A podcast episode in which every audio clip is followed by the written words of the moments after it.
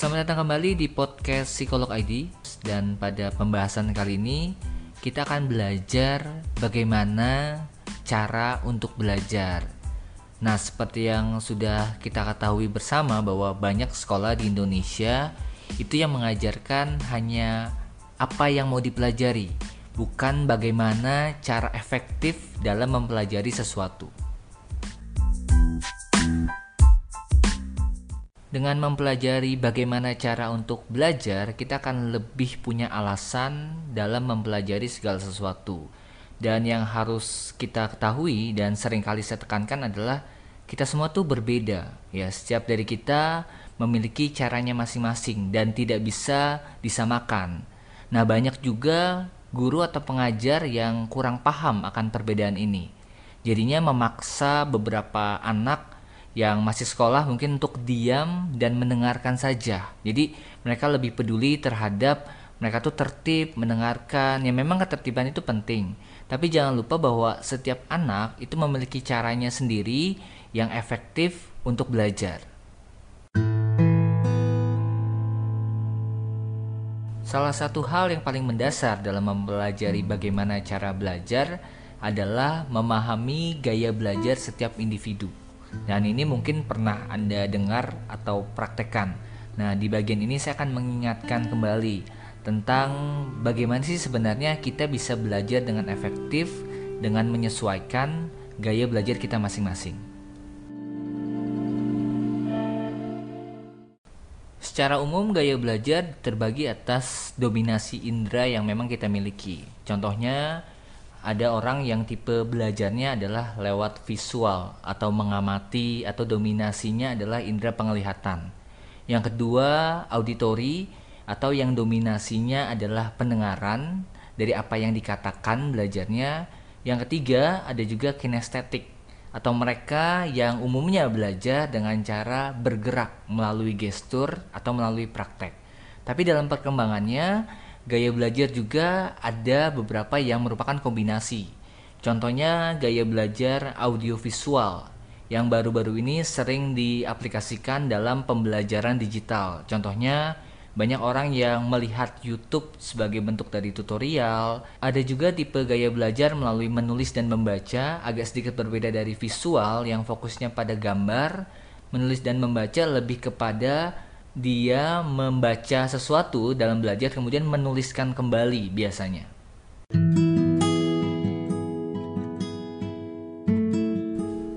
Gaya belajar ini tidak melulu tentang apa yang kita pelajari di sekolah ataupun di kampus.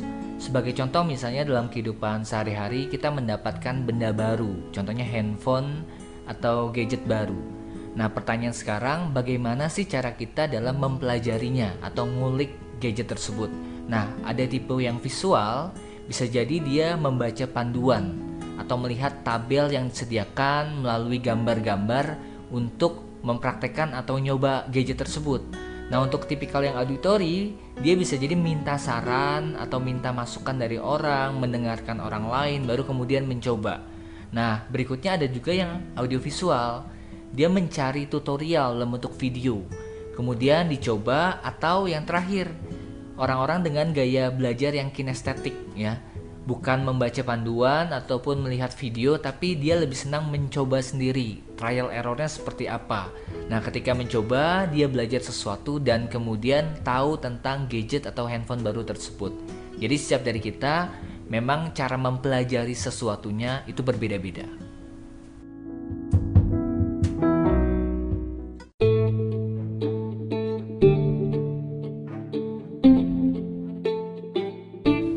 Kemudian untuk mengetahui sebenarnya tipe atau gaya belajar apa yang dominan dalam diri kita, kita biasanya melakukan self check atau memperhatikan dengan cara apa sih sebenarnya kita belajar dan efektif. Intinya gaya belajar ini juga bisa berubah dan bisa juga dipadukan. Jadi tidak ada satu yang benar-benar akan kita pakai seumur hidup dan masih ada dan masih terus ada kemungkinan untuk berubah satu sama lain. Yang pertama adalah tipe belajar visual. Nah, umumnya kalau kita self check itu adalah orang-orang yang suka membaca dan memiliki kemampuan membaca.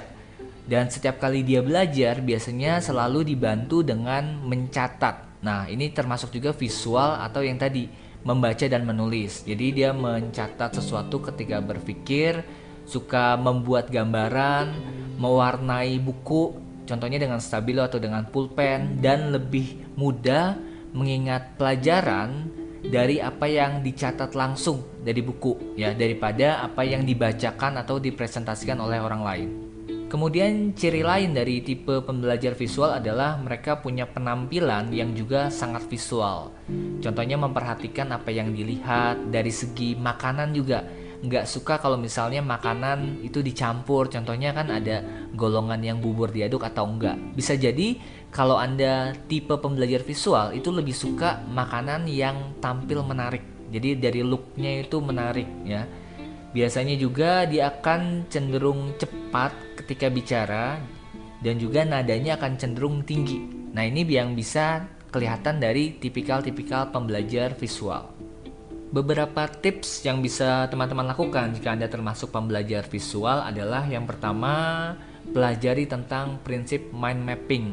Jadi bagaimana kita membuat resume atau membuat rangkuman dan ringkasan yang memadukan antara gambar, warna dan juga pencatatan, yaitu bisa membantu untuk orang-orang yang visual. Anda juga bisa melakukan pencatatan kembali tadi dari apa yang sudah dipelajari. Coba gunakan pulpen yang variasi warnanya banyak ya. Untuk biasanya itu membantu dalam mengingat dan juga visualisasikan apa yang Anda ingat melalui pembayangan. Jadi, coba usahakan dalam mengingat sesuatu Anda bisa membayangkan di kepala Anda atau bisa kembali merecall ingatan tersebut.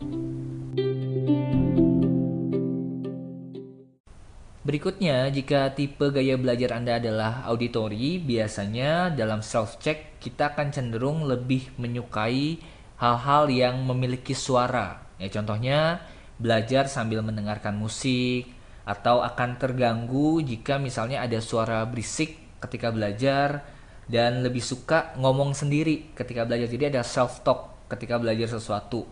Biasanya tipikal orangnya juga cenderung pandai bicara atau memilih kata-kata dengan baik dan juga penampilannya biasanya kalau bicara itu temponya itu teratur. Jadi bisa dibilang bernada atau bertempo.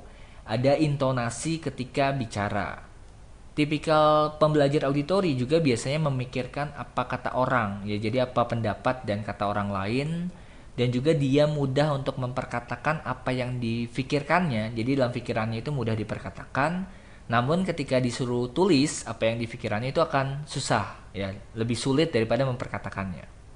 Untuk tipe pembelajar auditori, hal yang bisa kita lakukan dalam memaksimalkan proses belajar adalah yang pertama, merekam kembali suara pembelajaran kita. Jadi bisa dibilang tadi kan sering melakukan self talk. Jadi kalau belajar itu kan baca. Ya kalau efektif kan baca dengan bersuara. Itu untuk auditori efektif. Kemudian direkam dan Anda dengarkan kembali apa yang sudah Anda pelajari. Ya, itu cukup efektif dalam belajar.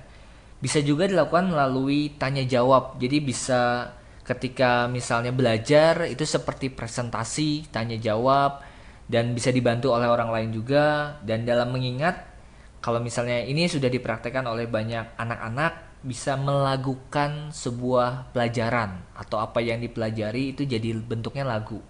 Nah, itu biasanya yang dilakukan oleh tipikal yang auditori.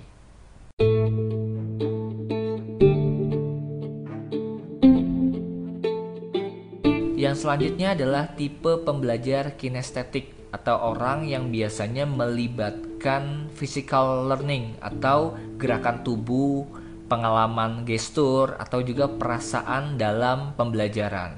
Nah, contoh ciri-cirinya ketika Anda ingin melakukan self check, contohnya misalnya banyak melakukan aktivitas fisik ketika belajar, seperti mutar-mutar pulpen atau enggak misalnya mainin sesuatu kaki atau enggak intinya seperti nggak bisa diem nah banyak guru yang e, menganggap bahwa anak yang nggak bisa diam ini nggak belajar. Padahal ini bisa jadi cara mereka untuk belajar, bisa jadi lebih tenang.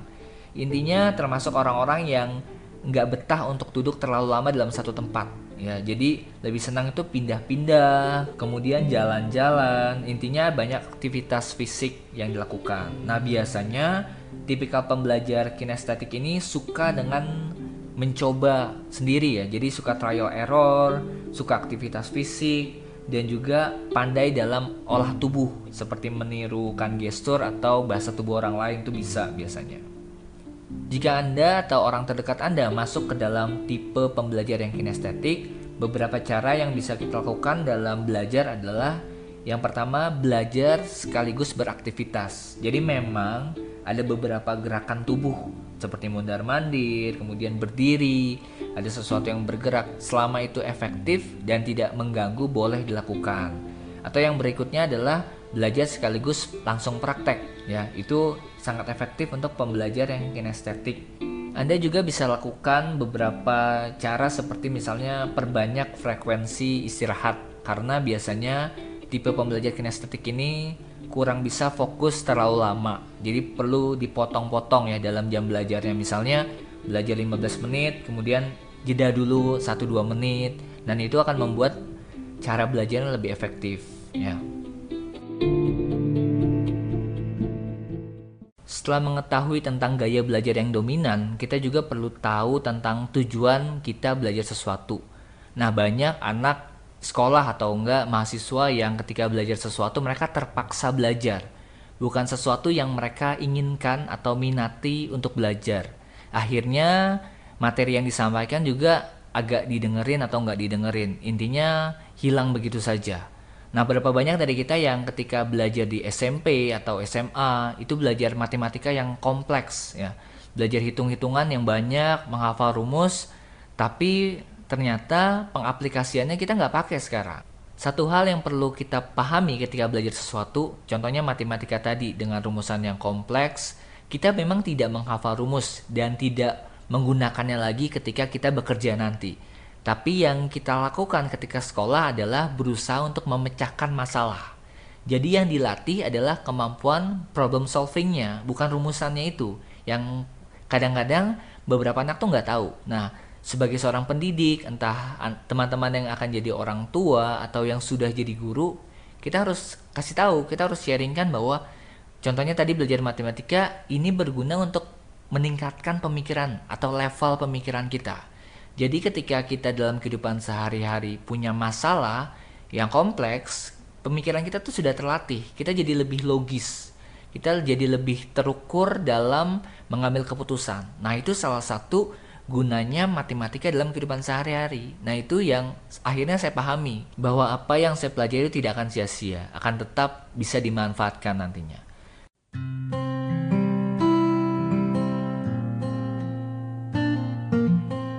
Contoh lainnya ketika kita belajar bahasa, saya juga dulu bertanya-tanya, kenapa saya harus belajar bahasa Indonesia?